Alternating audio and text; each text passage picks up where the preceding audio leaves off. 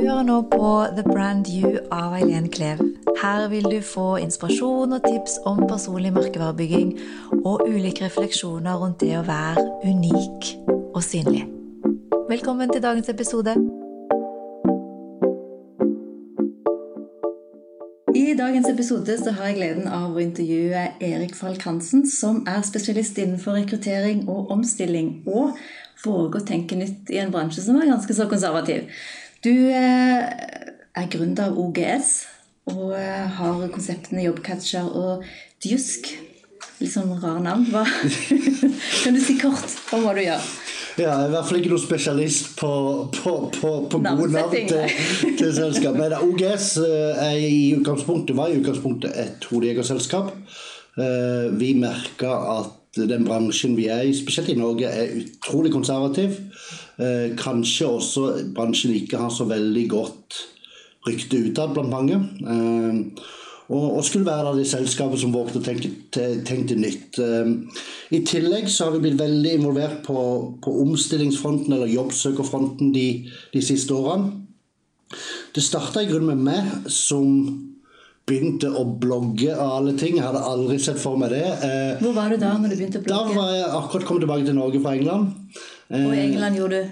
Da jobba jeg med rekruttering og, eh, og var leder for, for et stort team. Men jeg kom tilbake til Norge så merka jeg to ting. Jeg merka at bemanningsbransjen, spesielt i Norge, var ufattelig dårlige med hvordan de tok vare på alle som søkte jobb. Eh, spesielt med tanke på å gi tilbakemeldinger, eller mangel på tilbakemeldinger. Men også kunne jeg ikke fatte at det var lov å annonsere ikke-aktive stillinger. Og det jeg reagerte på var at Da ville en som søkte jobb eller skulle endre karriere, sitte der og bruke mange timer på å skrive en søknad, og så var det aldri noen stilling i det hele tatt. Så jeg begynte å skrive mye om dette. Og så merka jeg også at, eh, og spesielt når, når nedturen kom i, i oljebransjen, og, og mye eh, høyt erfarne eller høyt utdanna folk mista jobben, mm. så kunne jeg ikke fatte hvorfor disse skulle gå på et kurs og plutselig på en måte bli behandla som de var fem år. Du må komme tidsnok på intervju, du må smile pent, du må gjøre det, du må gjøre det. Begynte å skrive masse om dette eh, på en Erik-måte, hvor meninga var å både engasjere og provosere. Og så utvikla det seg til at vi lagde vårt eget omstillingsprogram som var retta mot, mot, folk med mer erfaring eller høy utdannelse. Mm. Eh, så, så, derfor har jeg blitt veldig involvert i, i, i karriere og omstilling de siste årene, og også prøvd å være en som eh, kjemper en liten kamp for at folk som søker jobb, skal bli behandla bedre. Både av omstillingsaktører og, og ikke minst eh, rekrutteringsbransjen. Mm. Og rekruttering og omstilling, er det noe du alltid har jobbet med eller hatt fokus på? Ja, helt siden jeg var ferdig i utdannelsen. Det var sånn tilfeldig at man kom inn i den bransjen. I England så er rekrutteringsbransjen helt annerledes enn i Norge, både på godt og vondt. Det er veldig hardt kjør. Det er litt som aksjemeglerbransjen. Man jobber 18-19 timer om dagen. Det er salg, salg, salg. Uh, work hard, played hard type ting. Mm. Men jeg trivdes med det. og det var blitt sånn. Ja. Eh, drømmen var ikke å bli rekrutterer da jeg var liten, men glad for at det endte opp sånn. Mm. Og Temaet i dag er jo personlig merkevare. Um, og du ser kanskje litt av, eh, av, det både når du er ute hos, hos store kunder, men også hos de enkeltpersonene som du mm. jobber med. Men hva, hva, legger du i ordet personlig merkevare? Er det ikke noe fasit. Jeg har aldri vært noe Eh, de flinke på dette som det har, har, har, sikkert litt andre, men jeg tenker veldig enkelt. Ja. Jeg tenker bare Din personlige merkevare er bare å være akkurat sånn som du er. Mm. Så, sånn som du er privat i et selskap med familie og venner, sånn skal du også være på jobben din og i et jobbintervju. Eller om du er på en date, eller hva det måtte være. Mm. For med en gang man prøver å, å være på en måte, eller oppføre seg en måte som man vanligvis ikke gjør, så blir det ofte falskt. Mm. Og da går man vekk fra den merkevaren. Men så tror jeg bare folk generelt, og spesielt når det kommer til karriere, de tør ikke. Mm. Hva er grunnen til det, tror du? Det eh, tror jeg at I Norge så har vi blitt pepra med alle disse rådene i, i 30 år om at du må gjøre sånn, du må si det, du må være sånn. Mm. Og så tar man det til seg. Og jeg pleier å si litt sånn for skøy at på 80-tallet i Norge så var det en eller annen som tok på seg hatten for å være karriereveileder. Lagde noen regler 30 år seinere, vi følger de samme reglene. Og det er naturlig hvis man Det kan være man er i jobb og skal bytte jobb. Da googler man ofte jobbsøk. Det samme hvis man mister jobben og søker aktivt. Man googler det. Og så får man opp disse topp ti tingene om at du må gjøre sånn. Og, og det gjør at man da plutselig går helt vekk fra merkevaren sin. Mm. Istedenfor å bare heller tenke at jeg skal bare gjøre sånn som jeg alltid gjør. Så er det mye enklere for folk der ute å like meg eller like hva jeg har bidratt til. Mm. Så på en måte er det veldig enkelt. Men det er også samtidig ufattelig vanskelig, for du får bli pepra med disse tingene om at ikke du skal være deg sjøl på en måte. Men har det vært enkelt for deg hele tida å være deg selv, i, også i England, når du bare har konkurranse og hardt kjør, og det å våge å bare være deg selv på jobben også? Ja, og hvis du ser på England, på karrieren min For jeg jobba for et stort internasjonalt selskap, så begynte mm. jeg som trainee. Mm. Og jeg var da en av de første som, som steg gradene og til slutt ble direktør. Og og jeg var alltid sett litt på som the, the crazy Norwegian, husker jeg de sa. Eh, og det var for bare jeg var meg sjøl og begynne på meg sjøl og sånne ting. Mm. Men det, stoppet, det gjorde ikke at, at andre som var mer eh, stive, holdt jeg på å si, i formen, kom lenger enn meg. Snarere tvert imot. Uh, og, og, det jeg opplevde spesielt når jeg var leder for ja, til slutt for nesten 150 personer, det var at de likte veldig godt at jeg var ekte og, og var meg sjøl. Og da ble de på en måte inspirert, istedenfor at jeg sto der og sa noen fine ord. Så blir folk tror jeg, ofte inspirert gjennom hvordan man oppfører seg. på en måte. Mm. Så det var, når jeg tenker tilbake til England, så, så hjalp det ufattelig. Mm. I Norge Nå er vi et lite selskap, så jeg kan ikke si at vi har hatt den suksessen ennå som kanskje jeg hadde i England. Eh, så vi har et langt steg å gå der, men det merker vi på jobbsøkerfronten, eh, og det jeg har vært involvert i på bloggen, det er at igjen så inspirerer det folk. Og jeg får så mange mailer daglig av folk som de bare liker at noen tør bare å være ekte. Eh, og det gjør det jo enklere for å bare fortsette å være det, på en måte. Mm. Så jeg vil bare oppfordre alle til å, å, gi litt F, for vi er fryktelig dårlige på det i Norge. Men heldigvis er det folk som det, og masse andre folk der ute nå som begynner å by litt mer på seg sjøl. Og du ser, du ser selskap som DNB nå, med sjefen sjøl. Plutselig så gir de mer av seg sjøl disse andre store selskapene kommer etter.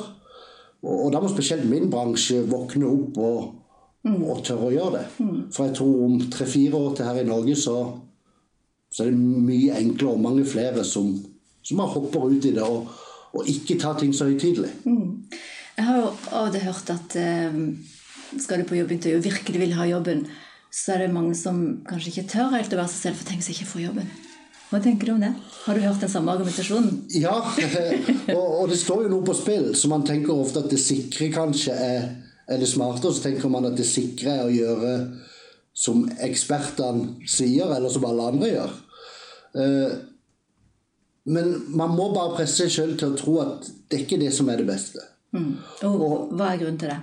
For for det første, arbeidsgiver eller rekrutterer kan, kan, se rett gjennom at det du sier, bare er noe oppgulp du har pugga hjemme. De sitter der frustrert over at ikke de får lov til å møte den ekte der. Um, og, og, det er det som er så synd, at eh, hvis man bare skjønner det, og går inn med litt senka skuldre og tenker at ja, de gjør ikke noe om jeg sier noe feil, de gjør ikke noe om jeg ikke kan svare, de gjør ikke noe om ditt og datt, så skaper det mye bedre kjemi. Mm. Du, du, nevnte, Jeg spurte deg før vi skulle ta opp denne podkasten om, om, om, du, om du, um, om du um, om du gjorde dette i biter og så satt sammen, og så sier du at ja, men det gjør ikke noe om det blir litt feil. eller et eller annet sånt. Og, og da blir ofte både kjemien og, og, det man sier, mye bedre. Mm. Så i et jobbintervju, det første jeg ville gjort, er bare glemt alt man har hørt man skal gjøre, si og, og vise fram.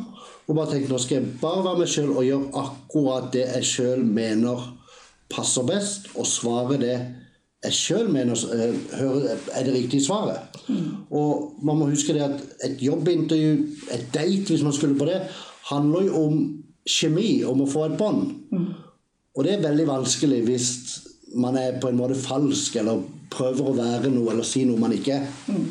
Så jeg tror vi glemmer dette ordet kjemi i en sånn situasjon. Og jeg tror hvis du tenker på det heller, så tror jeg du, det er enklere å, å gi litt F på en måte og bare gå inn og være seg selv.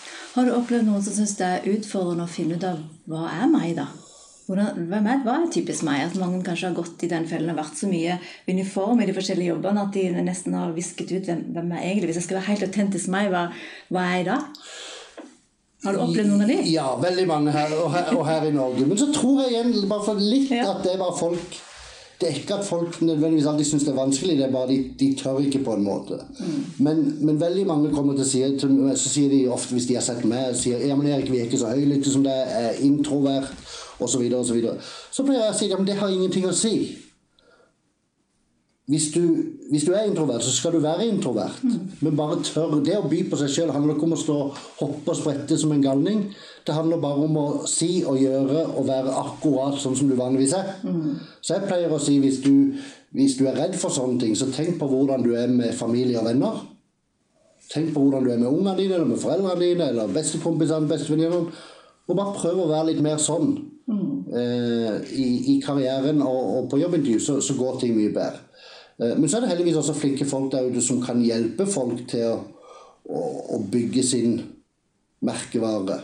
Eh, og, og, hjelpe folk til å spytte ut på en måte hva, hva som er de sjøl. Mm. Det har på en måte aldri vært mitt, mitt, område, så jeg vet ikke helt om jeg skal si så mye, mye om det. Men, eh, men, men, det går også an å få hjelp der. Mm.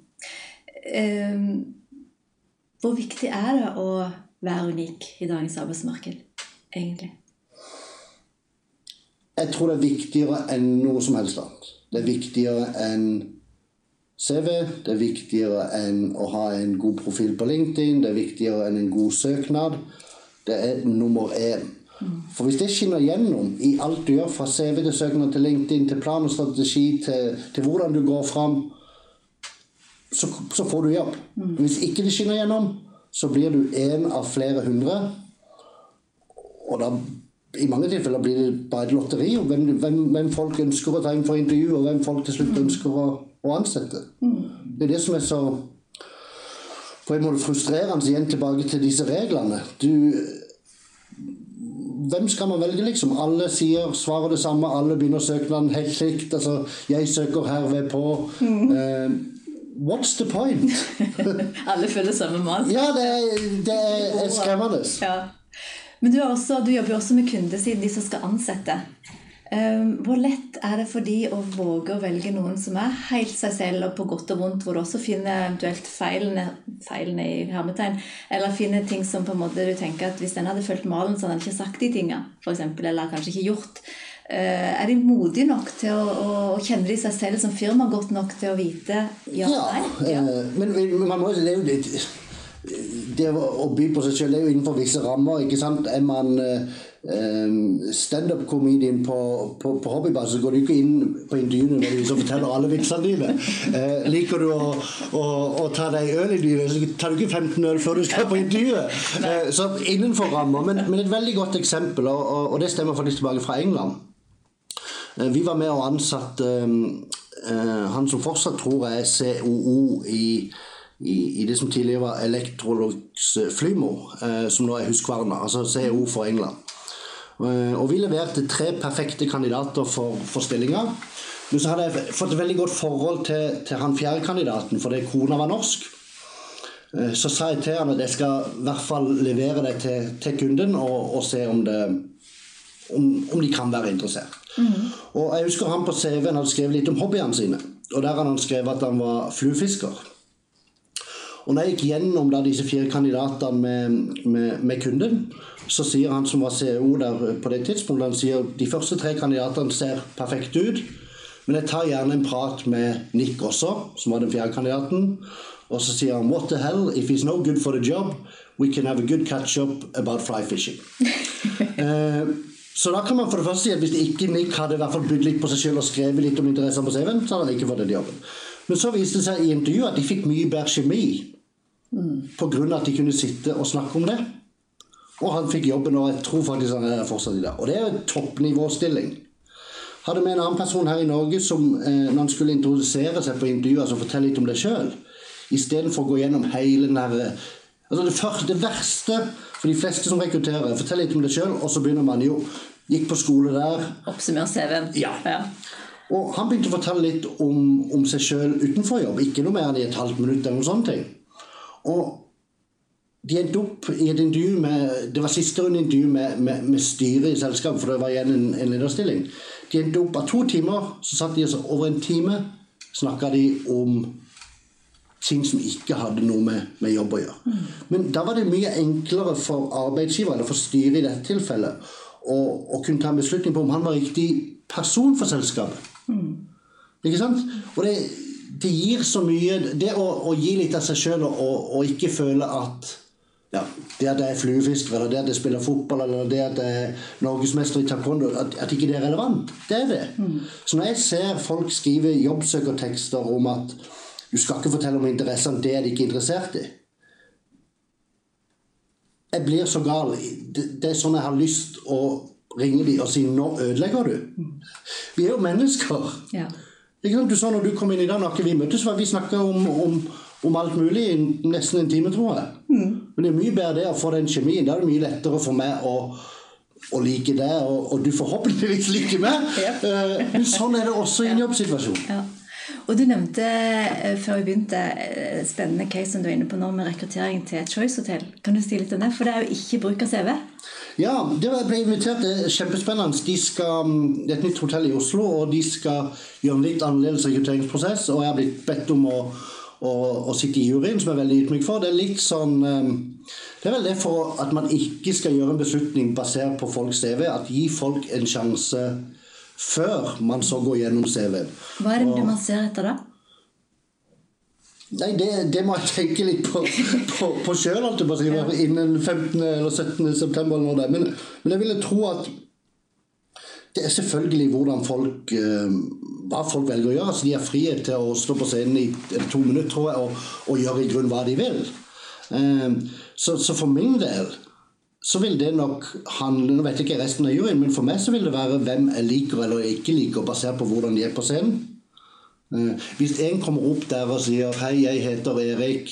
Jeg har lang erfaring fra jeg studerte der, flytta der', mm. så skal det mye til for meg å kunne gjøre en vurdering på om jeg liker den personen.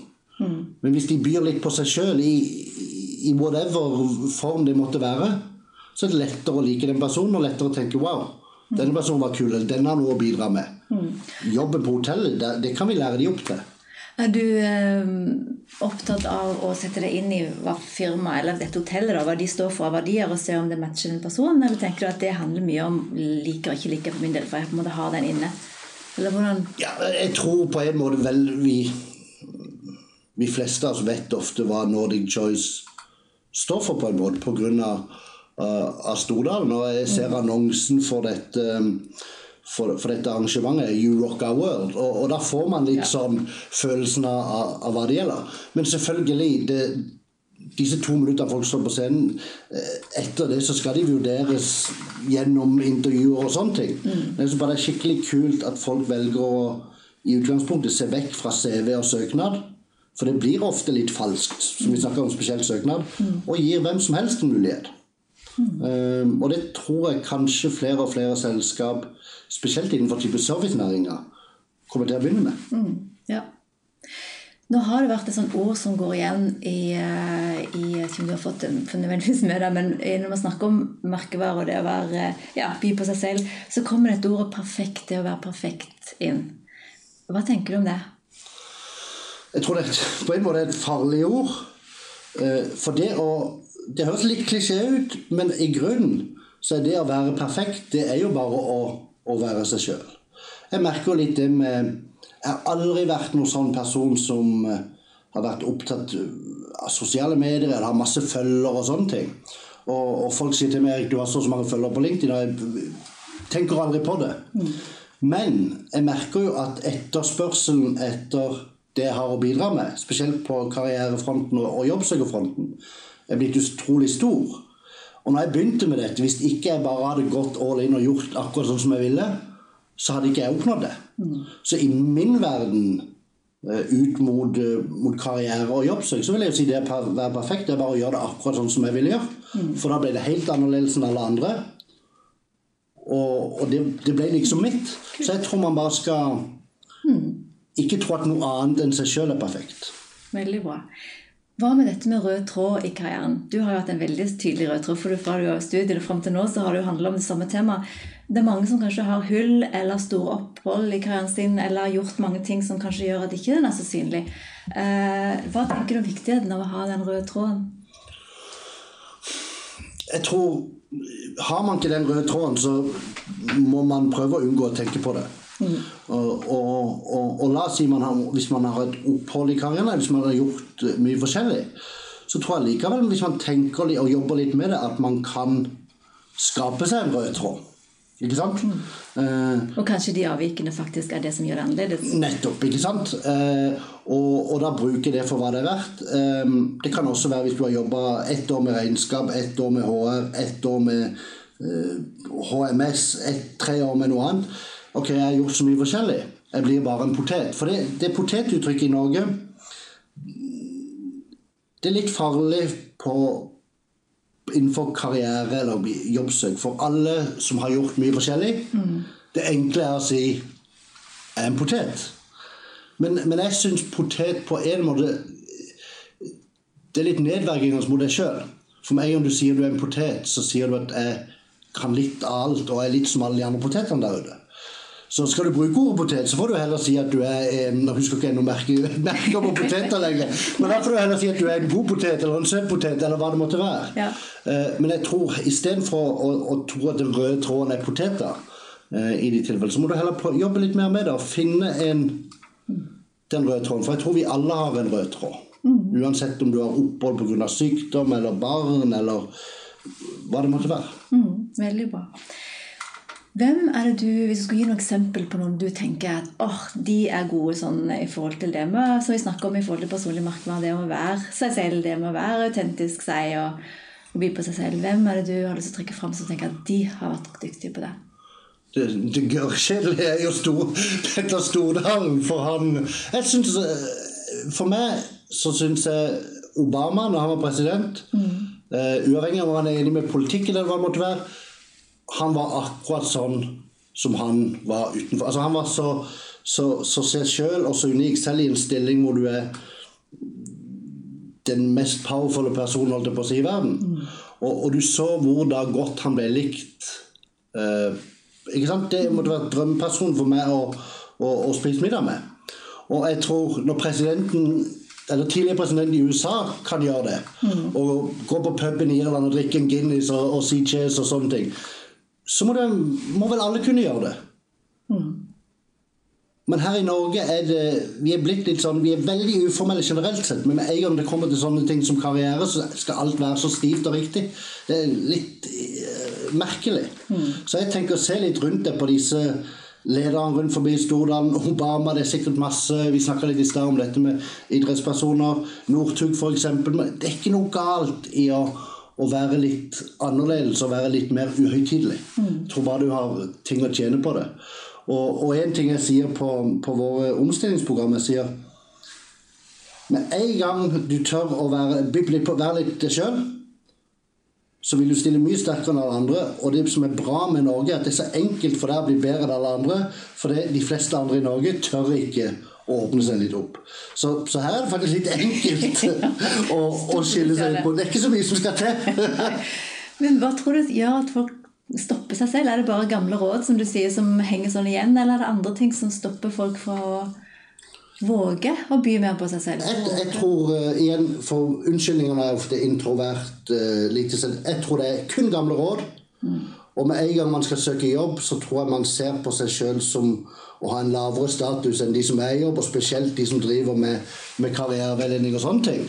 Og, og, da er det veldig enkelt å ta til seg det de sier. Men man må ikke gjøre det. Og uavhengig av om man er ekstrovert, still, introvert Uansett hvordan man er, så må man bare tro på å gjøre, sånn, gjøre og oppføre seg sånn som man alltid gjør. Mm. Og da er det mye enklere å få den kjemien med, med de du ønsker å få kjemi med, i dette tilfellet arbeidsgiver eller rekrutterer. Mm. Nå har jo du våget å være litt den annerledes stemmen. Du har våget å på en måte si kontroversielle ting eh, der ute, enten det er blogg og du har også vært på video. Og Får du noen gang noen negative kommentarer Du har hørt om disse nettrollene som dukker opp innimellom. Har du Ja. opplevd noen av de? Nå har jeg vært på en måte litt heldig at, at det jeg har sagt og stått for, er ofte det moralsk riktige. Eh, hvis jeg skriver noe om at jobbsøkere må bli behandla bedre og av bemanningsbransjen, så er det ikke så mange som kan komme tilbake- og si at det er feil. Eh, men overraskende veldig lite. Jeg har en sånn åtte, ni, ti personer som da driver innenfor den bransjen jeg kritiserer, som av og til våkner opp og kommer med et lite stikk i, i kommentarfeltet. Og, og, og, det, og det jeg tenker da, Istedenfor å, å ta med her, skriv noen egne tekster for jobbsøkere, da. Ikke sant? Men, men det får de bare gjøre. Det bryr meg ikke. Og, men det er overraskende lite. Og når jeg går rundt og møter, eh, møter folk og ledere i selskap som ikke trodde visste hvem jeg var engang, så sier de sånn skikkelig sans for det du gjør. Og da skjønner jeg at veldig mange Det er mange som ikke vil kommentere positivt i det jeg skriver, fordi de er litt redde for, at, for å bli assosiert med at jeg skriver litt provoserende. Men når jeg da møter de utenfor, eller jeg gjerne får en melding, så sier de at det er kjempekult. Og det er kjempegøy. Eh, Så jeg tror stort sett det blir godt oppfatta, så får heller et par kjipe personer der ute føle at nå tar jeg angriper jeg de. Ja. Og så er det jo ofte de, de få som kommenterer tilbake, det er jo de som føler seg truffet også, kanskje. Antageligvis. Det er jo sånn Når man er veldig tydelig på hva du tror på og hva du står for, og byr på deg selv, så vil du jo få elsk-hat. Noen Ja. vil på å ta avstand fra det, og noen vil bare elske det. Ja. Så det er jo litt sånn kanskje jobbsøkermodus òg. Noen firmaer vil si at du er ikke riktig for oss, men Ja. andre vil bare Du er helt perfekt. Nettopp. Ja. Og, og jeg, jeg har aldri møtt eh, Jo, vi har møtt et selskap en gang som som følte at vi hadde vært for, eller jeg hadde vært for altså, til å representere de som skulle miste jobben der. Men så har vi gått og fått noen av de mest type corporate, profesjonelle anførselstegn selskapene som har brukt oss. Så det er litt kult, det også, da. Mm, veldig. Du nevnte innledningsvis at eh, ja, jeg tenkte jo ikke for så vidt jeg skulle jobbe med, med rekruttering eh, tidligere. Har du noen hemmelige talenter som ikke har kommet fram ennå, som du tenker at det kanskje jeg skal gjøre litt mer av, eller det er noe som min merkevare ikke har fått favna enda, eller Det var et kult spørsmål takk for det vi snakker om. For det er et spørsmål som ofte kan komme opp i et jobbintervju. Okay. Eh, hva ville du gjort for eksempel, hvis du gjorde noe annet? Og det er sånn type spørsmål jobbsøker blir fortalt at det må de pugge på forhånd. Og så går man inn og, og snakker om dette, så høres det helt teit ut. Så det er mye bedre å bare ta sånne ting på sparket. Så jeg har faktisk aldri tenkt på dette, men nå skal jeg tenke litt som, Ja. som om jeg var på et jobbintervju. Eh,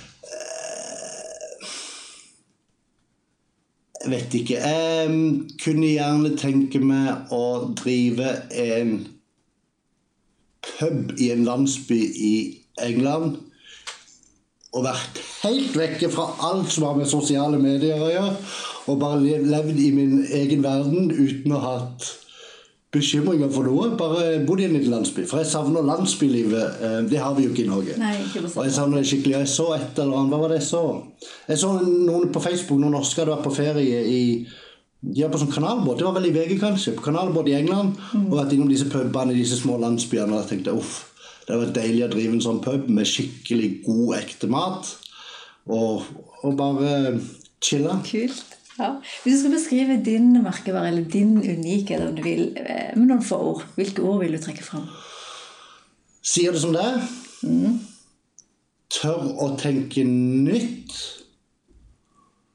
Og ikke bryr seg i det hele tatt om om jeg sier det riktige eller det gale. For jeg vet at uansett hva man sier, så vil det for noen være riktig, og for noen være galt. Og da er det bare beste å si det du mener er, best å si eller skrive. Så jeg tror det liksom er, er min merkevare. Og så tror jeg det er viktig at i hvert fall hvis man driver med noe som, som, som skal få påvirkning på andre, så er det viktig at det er ekte, altså at man virkelig brenner for det. Hvis ikke jeg brant for disse tingene, så, så kunne jeg aldri vært den jeg og, og brukt så mye tid på det. Så jeg tror det er veldig viktig hvis du skal ha noe påvirkning på andre, så må du finne noe du, du brenner for. Og noen siste si, tips og råd til slutt i forhold til hvis, du, eh, hvis det er noen som hører på som eh, skal inn og lete etter drømmejobben og har kanskje lenge siden de har skrevet en CV og søknad, og begynner å google og får en del tips. Hva er dine tips, sånn at de ikke havner på feil, eh, på feil tips? Hva vil du si når du skal skrive en CV? Når det gjelder en CV, så, så tror jeg ikke det er så jeg tror ikke det er så veldig skadelig å, å, å, lese litt om tips på struktur og sånne ting.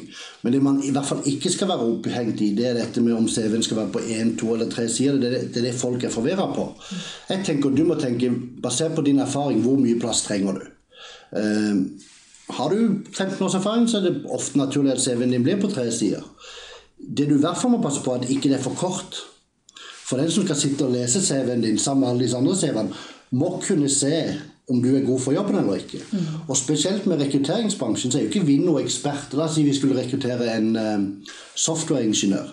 Jeg er jo ikke noen softwareingeniør sjøl, så jeg trenger å se en del info på den CV-en for å bestemme om du er god eller ikke. Mm. Så, så, mer er i hvert fall bedre enn lite, men, men, innenfor visse rammer. På søknad så ville jeg bare satt meg ned, jeg vil ikke lest et eneste tips. Og så vil jeg tenke nå skal jeg bare skrive akkurat sånn som jeg vanligvis skriver. Og så vil jeg gjort meg noen notater i forhånd på hva er viktig for meg å få med i denne søknaden. Jeg hadde en gang ei som meldte seg på et kurs hos oss. Eh, det, kurset starter om en måned til, og så sier hun til meg på telefonen Erik, fra meg i dag så skal jeg bare skrive 'gi faen-søknader'. Det hun mente med det, hun skulle bare kaste vekk alt hun hadde hørt. De første to søknadene hun sendte, kom hun på intervju på. Veldig spennende. Så enkelt kan det være. Mm. Har du siste råd i forhold til CV-en, hvordan du kan vise mer av deg på CV-en? For CV-en er jo som du sier, veldig sånn oppsummert ofte. Ja. Hvordan får du inn likevel din unikhet, eller deg som person, i en CV? Jeg tror kanskje hvis du skal ha et sånt lite I dag er det vanlig å skrive nøkkelkvalifikasjoner, og så skrive et par setninger. Eh, personlig så liker jeg gode nøkkelkvalifikasjoner, men om du bruker nøkkelkvalifikasjoner eller sammendrag, eller hva det måtte være mm. Hvis du skal gi deg fem-seks linjer til å skrive noe der, så i hvert fall ikke bare oppsummere alle disse kjedelige typer ordene som man leser i annonser. Bruk heller den plassen på å i hvert fall gjøre det litt eh, forskjellig fra alle andre. Det trenger ikke være at du skal ramse opp alle tingene du driver med utenfor jobb, mm. men bruk det feltet til å formidle hvem du er på den måten du ønsker. Du har sjøl skrevet en del om dette. Så, så, det er en god måte. Og så ville jeg også alltid brukt, spesielt hvis man har litt plass på slutten, to-tre linjer om å skrive hva man driver med eller brenner for utenfor jobb. Ikke skriv det i stikkord. Skriv heller to-tre setninger om det, for da er det ofte enklere å, å få fram det unike i det. Mm. Så elsker du å reise, så istedenfor bare å skrive 'reise', skriv hvor du virkelig elsker å reise. Elsker å reise rundt forbi verden, spesielt til Italia, spesielt til dette stedet. Da er det mye enklere for folk å liksom se det for seg. Mm. Så ikke bare stikkord, en, en, en god blanding på en måte. Kjempebra tips til slutt. Tusen takk Erik, for at du tok deg tid. Nei, Takk for det, at jeg fikk lov å, å være med. Kjempespennende. Og, og, og, det er gøy å høre på, på de andre du har snakka med. Og nå ja, det er ikke så gøy å høre på meg sjøl, så kanskje jeg dropper det. Men, eh, men håper andre fikk nytte av det. Veldig bra. Tusen takk skal du ha. Lykke til. Tusen takk, og i like måte.